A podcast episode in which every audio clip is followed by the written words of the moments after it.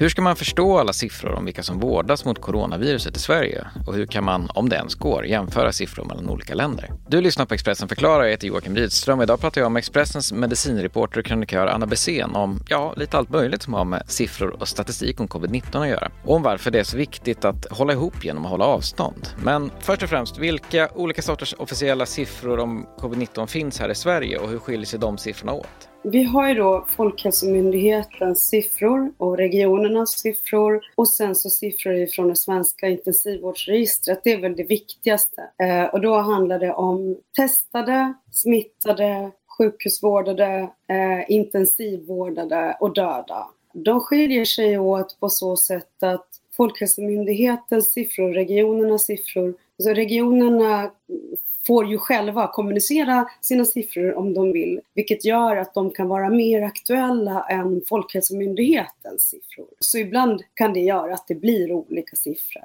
Sen så har vi också Svenska intensivvårdsregistret och de rapporterar ibland vid olika tider också, vilket gör att de här siffrorna kan släpa efter. Eh, I synnerhet efter, ja men som efter påskhelgen och efter helgerna. Många försöker peka på jämförelser då på dödstal mellan olika länder och det här har ju blivit väldigt debatterat då. Jag läste i DN igår exempelvis att det kan ta till 2022 innan jämförelser går att göra. Men varför ska man undvika att jämföra antalet smittade och döda i olika länder och kan man ens göra det exempelvis mellan Italien och Sverige? Alltså, jag tycker att man kan liksom presentera siffror mellan olika länder när det gäller dödstal. Eh, men då måste man också vara jättetydlig med att berätta om vilka felkällorna kan vara och hur stora de kan vara. För det finns väldigt många felkällor. En av de här basala felkällorna är förstås att ja, men, den som söker, han finner. Om man ett land där man har testat många kommer man förstås att få ett högre antal smittade eh, och också ett högre antal döda i covid-19.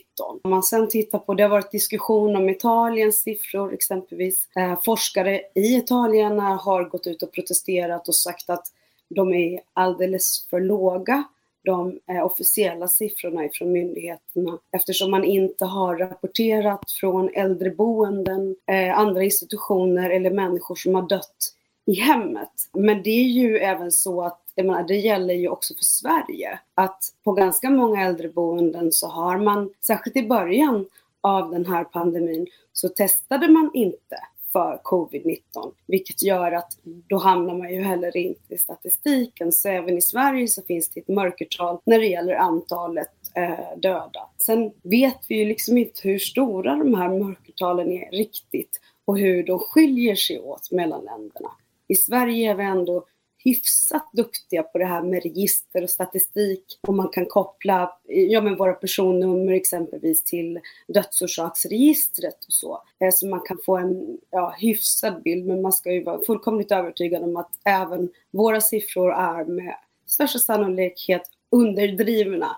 Men i vilken grad de är underdrivna, det vet vi inte. Finns det några globala siffror som går att verkligen lita på som en slags åtminstone vägledning kring hur smittan har spridit sig? Nej, inte egentligen. Alltså det finns inte någon statistik nu som är liksom till 100 procent eh, fullkomlig skulle jag säga. Men jag menar, eh, jag tycker att man kan titta på WHO-siffror exempelvis, som ändå samlar in statistik från hela världen. Och då får man, man får ju ändå ett grepp.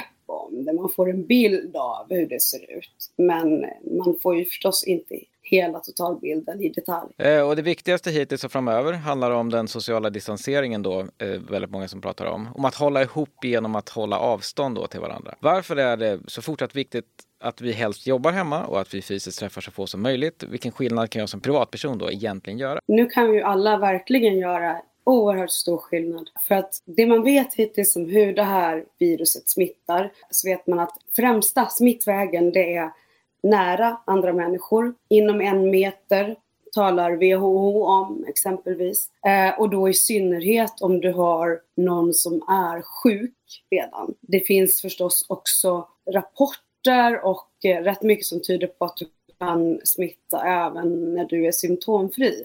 Men gissningsvis så, och de flesta forskare anser liksom att ja, men det, och även Folkhälsomyndigheten, att du smittas som värst när du är sjuk. Och då genom droppsmitta som hosta och nysningar och eh, kräkningar. Så genom att hålla distans till andra, och det här gäller ju kanske i synnerhet människor som är unga och friska och som rör sig ute i samhället på ett helt annat sätt än vad många 70-plussare gör nu som faktiskt håller sig mer hemma och håller sig borta från andra eftersom de är den viktigaste riskgruppen. Så handlar det om att det handlar kanske inte primärt om dig. Nej. Du kanske skulle klara dig alldeles utmärkt om du fick den här infektionen. Kanske inte skulle märka det så mycket som en vanlig liten förkylning eller så. Men det handlar ju liksom om andra och tredje och fjärde och femte led. Det kanske handlar liksom om din granne som jobbar som undersköterska som sen då kan liksom föra smittan vidare till de boende på äldreboendet där de jobbar så att de gamla dör där. Eller en person du står bredvid bussen som har en mamma som är 93. Eh, så att det handlar liksom om att man inte ska vara en länk i den här liksom smittspridningskedjan. Och då brukar man tala om två meter eller rekommendera två meter just för att med största sannolikhet så är det ett säkert avstånd just nu utifrån vad vi vet om smittan. Och själva idén med det här, det här viruset kommer ju de flesta av oss att få sannolikt förr eller senare. Men nu vill man att vi ska få det senare för att man ska bromsa den här kurvan av smittspridning så att vården hinner med. Sjukvården har jättemycket att göra, även om man faktiskt på ett otroligt sätt har mobiliserat och tagit fram jättemånga fler intensivvårdsplatser, eh, så är det tufft där. Alltså det är ont om personal, personal blir också sjuka och liksom belastningen är jättehög. Och då behöver vi plana ut den här kurvan för att vården ska hinna med att ta hand om de som blir allvarligt sjuka på ett så bra sätt som det går.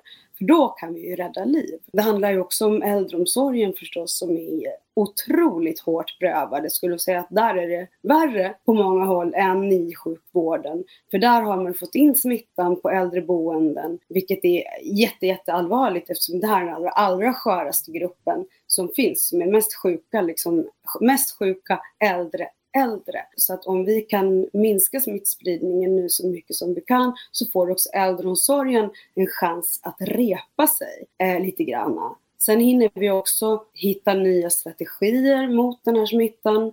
Forskare jobbar stenhårt på att få fram effektiva läkemedel. Det jobbas hårt på ett vaccin. Det kommer nog att dröja en stund innan vi har ett vaccin.